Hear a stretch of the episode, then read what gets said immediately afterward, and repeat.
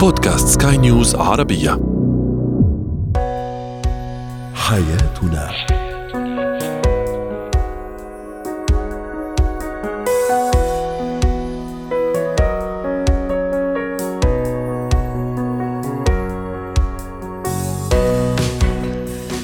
مستمعينا الكرام أهلا بكم معنا إلى حياتنا. فضاؤكم اليومي الذي يعنى بشؤون الأسرة وباقي الشؤون الحياتية الأخرى والذي يمكنكم الاستماع اليه عبر منصه سكاي نيوز dot com slash بودكاست وباقي منصات سكاي نيوز عربية الاخرى شاركونا عبر رقم الواتساب 00971 561 622 معي أنا أمال شاب.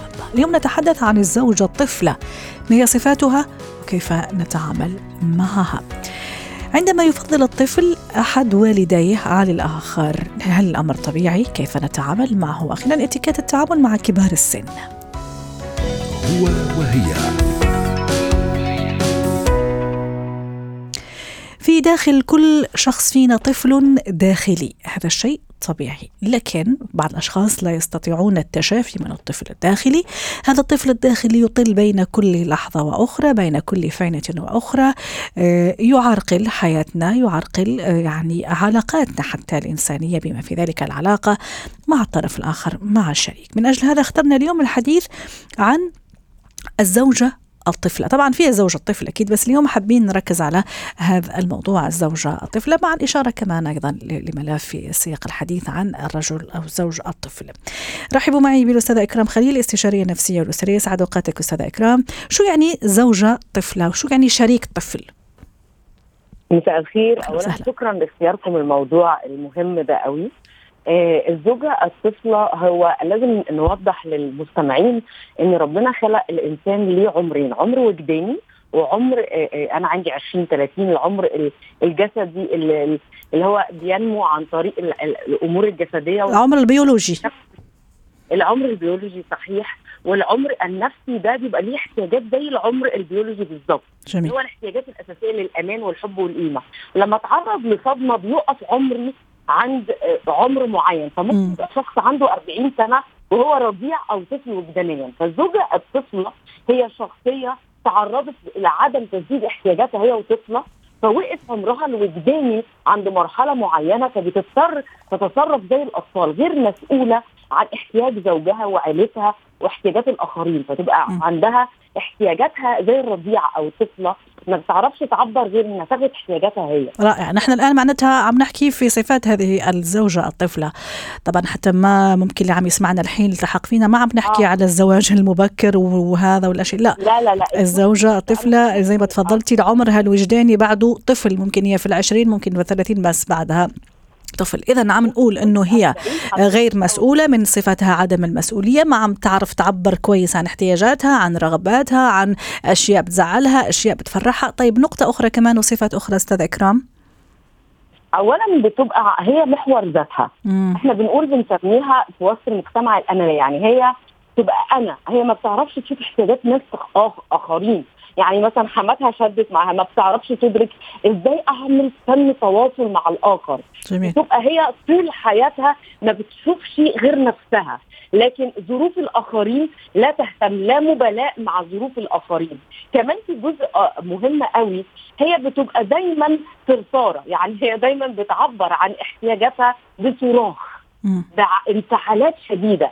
يعني نلقى شخص هادي جدا شخصية جميلة شكلها امور وحلوة.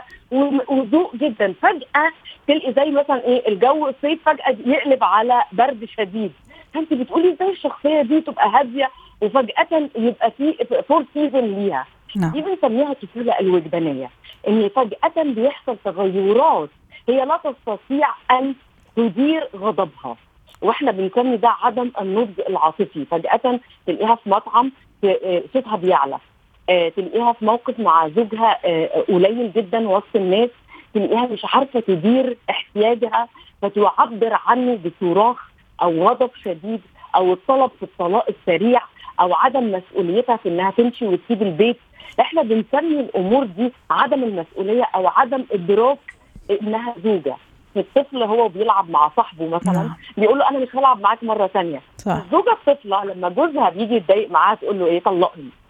آه طب والولاد أنا مش فارق معايا. أنا أنت مش مسدد لي احتياجاتي. طب إزاي نتطلق فتلاقي دايما الزوجات اللي بيعانوا من طفولة وجدانية سرعان ما يطلبوا الطلاق سرعان ما يسيبوا بيتهم سرعان ما يدخلوا ناس بين حياتهم. الأطفال دايما بيحبوا يعلوا صوتهم ويفضحوا الأمر. اي أحيانا لما كمان بده يهرب من موقف طفل كمان زي ما تفضلتي يصرخ يعمل قصة بيخترع شيء ليهرب منه نفس الشيء على على الزوج الطفل الأستاذة إكرام دام عم نحكي اليوم هذا. خلي كمان نعرج على الزوج الطفل. نفس نفس الصفات ممكن ولا في فرق في فروقات؟ نفس الصفات بس بيحصل حاجة مختلفة. العند الزوج عنده العند أكثر يعني. الزوجة تميل للسطح والصوت العالي الرجل يميل إلى الانسحاب ويجري. الولد دايما صفاته غير البنت يعني ال boys غير ال girl اللي هم الأطفال. الولد لما بيعاند أكثر يميل إلى العند البنت تميل إلى النوح والعياط ويميل إلى الضرب. الزوج الطفل يمد إيده. لغته هي لغة الضرب لغة العنف. زي الطفل اللي صاحبه ما يعجبوش يعمل إيه؟ يضربه. فتلقي لغة الزوج الطفل هو لغة ما ينفعش يعمل حوار. فتلقي أول حاجة عنده يمد إيده آه، ممكن آه، سرعان ما يجد علاقة أخرى. فتلقي يميل إلى علاقات أنا مش لاعب معاكي هجيب لك واحدة ثانية فكأننا عرايس لعبة السيدات أو المرأة بالنسبة له وأكيد الموضوع مزعج جدا لكلا الطرفين. إذا كانت هذه الزوجة طفلة ك يعني عم نحكي على الطفل الصغير اللي عندها بعده لم ينضج وكمان الزوج الطفل كمان هذه مشكلة كبيرة. طيب كيف التعامل مع الزوجة الطفلة يا أستاذة إكرام؟ التعامل مع زوجة الطفلة لازم اولا إحنا دايما بقول مع حضرتك إنه لازم يكون شريك آخر. لما أنا بقول لمراتي أو أنا أقول لجوزي أنت غلطان ما بيقبلش. إحنا في حاجة اسمها العلاج النفسي يا جماعة. إحنا كشرق أو مجتمعات عربية كلمة الطبيب النفسي بيجي لنا إحساس إن إحنا مجانين. لأ زي ما جسمنا بيعيا واحتياجاتنا إحنا محتاجين آخر. لازم أدرك إن أنا عندي مشكلة. يعني اللي بيسمعوني لو انت عندك نفس التصرف ده لازم تدركي إن إحنا محتاجين نتغير ومحتاجين مساعدة. أول حاجة إدراك الذاتي. أنا إيه مشاكلي وأنا طفلة؟ ممكن تكون واحدة فقدت آه، آه، مامتها ووالدها عندهم طلاق في البيت اتعرضت لإحساس بعدم الأمان شديد فهي وقفت في المرحلة دي. ممكن تكون تعرضت لايذاءات آه، نفسية أو جنسية تعرضت لأمور خلت الصدمات بتاعتها. فلازم أرجع للواقع بتاعي لطفولتي. وأتأكد كمان أستاذة مع نفسي كذا إنه إذا أنا ما ساعدت نفسي ما حدا راح يساعدني. فعلا التغيير راح يبتدي من الشخص بحد ذاته. تفضلي. إدراك ذاتي. نعم. وعم عم عم نختم أستاذة إكرام مع حضرتك حتى ناخذ يعني النصيحة الختامية. نعم. آه. هختم بجملة هي أغنية بس أنا عايز بتقول ما تكونش في يوم غير ذاتك وبإيدك ارسمها حياتك. النهارده بقول لكل زوجة فكرت رح تغني هنا يعني أنا النهارده بقول ارسمي حياتك اللي خلص لكن تقدري النهارده تقفي وتكملي وتبدي وتنضجي. مفيش حاجة اسمها الحياة خلصت. لكن ينفع. لو أنا ورثت مبنى أو بناية نعم. أقدر أغيرها وأهدها وأبنيها من جديد. حياتنا اللي فاتت اتأذينا مش بإيدينا. لا لا وأنا كمان كنت أقصد الطرف الآخر. إذا عنده زوجة طفلة شو المسؤولية الملقاة على عاتقه؟ أو هي عندها زوج طفل؟ يعني أكيد عدم الاستسلام إنه كمان الطرف الآخر عنده دور صح أستاذة إكرام؟ اولا لازم الزوجة محتاجة الطفله الأمان الثابت الحب الغير مشروط لازم ما أبقاش أنا عنيف معاها وادي هي وهادية أنا بحبك زي ما انت انت في عينيا حلوة بس إحنا محتاجين نساعد بعض. مم. أنا بحبك لكن أنا محتاجة أساعدك. أنا عارف إنك انت تعبانة. يبقى أول حاجة الزوج إني أقدمها لها اسمها المحبة الغير مشروطة. جميل. طيب ثانيا.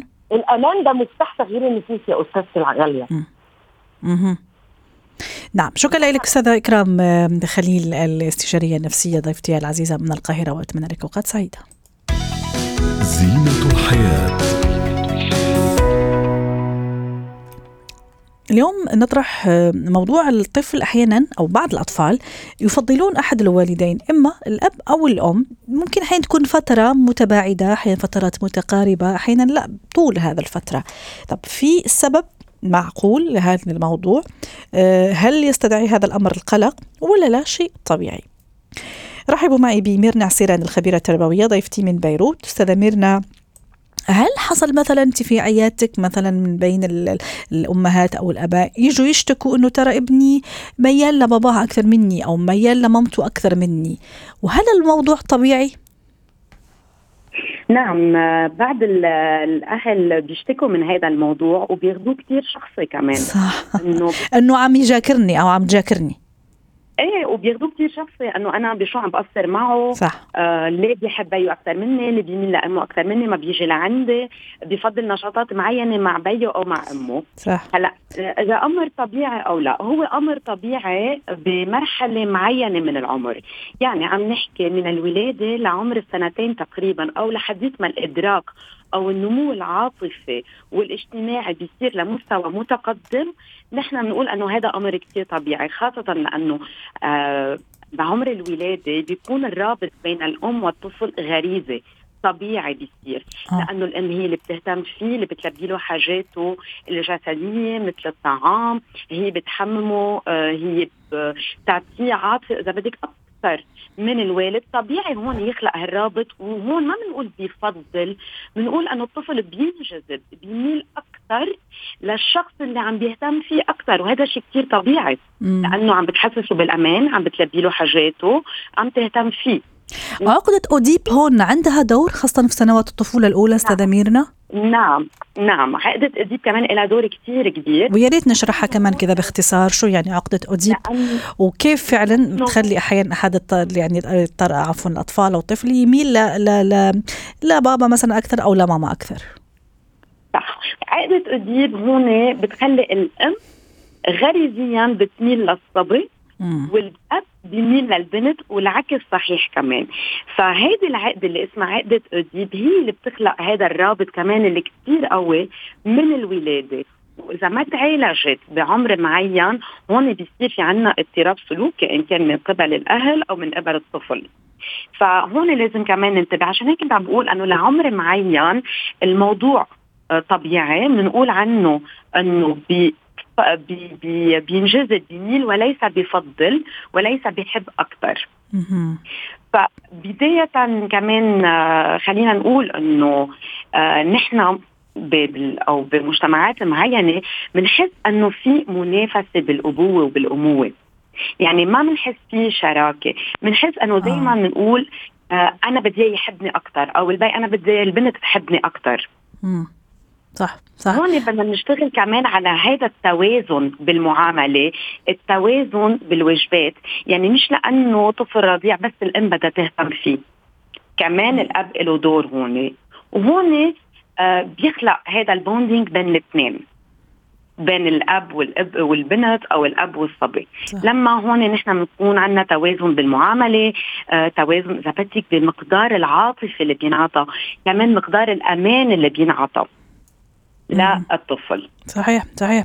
وحتى كمان زي ما تفضلتي إنه أنا ممكن ك ك ك كأم عم شوف ممكن طفلتي مثلا ممكن تميل أكثر لباباها أو عم شوف إنه طفلي عم يميل أكثر لإلي.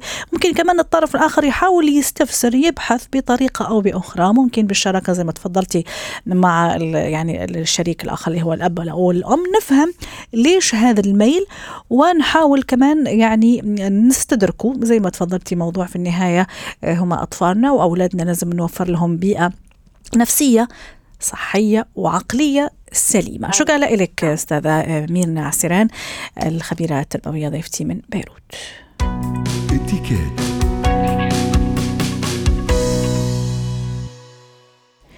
اليوم نتحدث عن شريحة جدا مهمة ورائعة وعزيزة على قلوبنا جميعا كبار السن. لما أقول شخص كبير السن معناتها خبرة حياتية طويلة معناتها مواقف كثيرة مرت عليه ومعناتها أيضا أحيانا ممكن مشاعر وجدانية تتغير شعور بالوحدة بعد سنوات طويلة من من من, من تأسيس الأسرة. يعني في أشياء كثيرة تدخل ومعطيات كثيرة. لازم نتوقف عندها لما نحكي على شريحة كبار السن. اليوم اخترنا نحكي على ذوقيات وأدبيات وتعامل جميل ورائع وراقي مع كبار السن. رحبوا معي بسارية الخير خبيرة الإتيكات والسلوك الاجتماعي ضيفتي العزيزة. أهلا وسهلا بسارية. أكيد في كل بيت من بيوتنا شخص يعني شخص كبير سن سواء جدة جد ممكن أم أب. حين كمان ممكن أم جد يعني الأجيال ما شاء الله في عوائل فيها الأجيال الممتدة والعائلات فيها كبيرة وممتدة شو لازم أحط بعين الاعتبار يا سارية؟ لما أجي أتعامل مع شخص كبير في السن وكبير أيضا في المقام وفي في الخبرة في الخبرة الحياتية. أول شيء بحب آه، نوه على شغلة كثير مهمة. لازم نحن نحطها بعقلنا قبل ما نتعامل مع أي شخص من آه، كبار السن إنه الزمن ما بيوقف عند حدا. فأنا بيوم من الأيام رح أكون كبير أو كبيرة ولازم أعرف مثل ما أنا بدي أعامل بالمستقبل أعامل الأشخاص اللي حوالي وحتى كبار السن اللي بدي أحكي عنهم هي شريحة كبيرة تنطبق على الجميع مو بس بالأشخاص اللي هن الأقرباء لنا صح. لذلك نحن دائما بنقول اعتبر أي كبير سن بيمر بحياتك حتى لو عابر سبيل هو فرد من العائلة. كيف بتحب تتعامل جميل. معه تتعامل كبار السن لأنه بحاجة لكل شيء نحن بنقدر نقدمه، الأهم شيء وأول شيء هو الاحترام، نعم. الاحترام بالمناقشة، الاحترام بالصوت، الاحترام بطرح المواضيع وأيضا الاحترام لمساعدتهم، ودائما لازم يحط الواحد بعين الاعتبار إنه مساعدة كبير السن حتى العابر السبيل مو الأشخاص اللي حوالينا. فما بالك اللي حوالينا واللي أقرباء لنا هو واجب. نحو المجتمع ونحو أنفسنا كمان لأنه بيوم من الأيام كما تدين تدان بيقول لك what goes around comes around. فنحن لازم ننتبه على هذا الشيء كثير مهم. نحاول دائما إنه نساعدهم من غير ما نجرح مشاعرهم. آه. أوقات لأنه كثير آه الإنسان بيساعد فبفكر حاله إنه خلص أنا أديت الواجب. لا على فكرة هذا واجب. هذا شيء لازم أنت تعرفه وتأخذه بعين الاعتبار إنه أنت حتكون بيوم من الأيام آه بهيدا المكان وحتى الواجب يعني يقدم بشكل جميل وراقي وفي قالب يعني حلو. يختلف عن الواجب لما نقدمه كذا فقط لأنه واجب ساريه طبعا طبعا لازم نتعامل معهم بصبر بحكمة. وخاصة إنه كمان سامحيني هم يعني أشخاص يصيروا جدا حساسين بعد ما يكبروا في العمر يصيروا فعلا زي الأطفال أي كلمة ممكن تأذيهم أي نظرة ممكن يعني يحسوا إنه هم المستهدفين هم المقصودين ما بدهم يتقلوا على على الأشخاص الثانيين ففعلا لما نقدم هالواجب نقدمه كذا في قالب راقي وجميل وحلو حتى يستحسنوا كبير السن. صحيح ومن الأشياء اللي لازم ننتبه عليها كمان إنه استمتع بالوقت اللي أنت موجود فيه مع كبار السن الجد آه. الجدة. أحيانا الوالد والوالدة لما أنت بتتقدمي بالسن كمان الوالد والوالدة بيتقدموا بالسن. فنحن لازم نستمتع بكل لحظة نحن معاهم فيها. نحن اليوم معاهم ما بنعرف بكرة شو بيقول. آه فلازم ناخذ البر وناخذ الحسنات وناخذ الأشياء اللي نحن بتخلينا لا تنسي إنه هن كمان عندهم خبرة كبيرة بحياتهم. فهذا لازم يخلينا نستمتع بوجودنا معهم ونستفيد من خبراتهم. هذا الشيء مو بس إنه واجب نحن عم نقدمه لا على فكرة هذا شيء حلو بالنسبة لك كشخص تضيف لخبراتك تضيف لمكانتك آه، فاستمتع بوجودك معهم. أحترم مناقشتهم واحترم عقلهم حتى لو آه، حاول دائما إنه تكون تعاملهم مثل الأطفال اللي بتعاملهم خاف على مشاعرهم حبهم اعطف عليهم قدم لهم الشيء اللي أنت بتحب تتمنى وتتمنى إنه يتقدم لك بيوم من الأيام كمان في المقابل سارية إيه هالكلام كله حلو وجميل لكن كمان أحيانا المبالغة ممكن أحيانا تجيب نتيجة عكسية. بمعنى ممكن أنا كثير يعني أقدم له أو أقدم لها يد المساعدة ممكن هي تحس شوية أحيانا بالعجز إنه لا أنا في أعمل هذا الشيء أنا في أقوم بهالشيء بس كمان يعني فكرة أنه ممكن نتشارك عرفتي كيف؟ ممكن أقترح ممكن مش دائما أني أنا راح أعمل مثلا بداله أو بدالها لأنه هو عاجز مش قادر. فكرة العجز هذه كمان بالنسبة لهم قاتلة. فكمان نكون لطيفين ورحيمين بهذا النقطة لما نقدم المساعدة. ممكن أحيانا بالعكس نعطيهم الفرصة لأنهم زي ما تفضلتي ما شاء الله هي خلاصة خبرة سنوات من من التجارب. صحيح أوقات بس المناقشة هي كافية إنها تحسسهم بوجودهم، أنا ما بنقول إنه نحن بنتعبهم أو بنحسسهم بالعجز، وأوقات حتى المبالغة حلوة ولكن بطريقة الطرح، يعني م. اليوم لما أنا بتعامل معهم كعاجزين غير لما بتعامل معهم يا الله أنا بدي دللك، أنا انت تمني مطلبي، انت حبيبة قلبي، انت انت. طريقة طرح الموضوع أحلى بكثير، إنه حدا صح له يتدلل يا جماعة. والله أنا بنتي بتحب تتدلل وأنا بحب أتدلل وانت تدللي وعلى رأسي، يعني الكلام الحلو، أنا بقدر حتى بالغ بدلال عيالي أبالغ بتعاملي معها ومع الأشخاص الكبار ولكن طريقة الطرح مو إنه طيب أنت بدك ساعدك طب أنت لازم لا على فكرة تعالي وتدللي بحب أدللك بابا بحب دللك يا جدي أنت عرفتي كيف قصدي؟ فطريقة الطرح والمناقشة وطريقة طب أعطيني من خبراتك بالحياة طب أنت لو كنت مكاني شو كنت عملت؟ يا سلام شو هالكلام عرفتي شو قصدي؟ فهو بحس بوجوده. ويعني ما بنطلب منهم أشياء فيزيكلي قد ما بنطلب منهم الخبرة المعنوية الخبرة والكلام وال...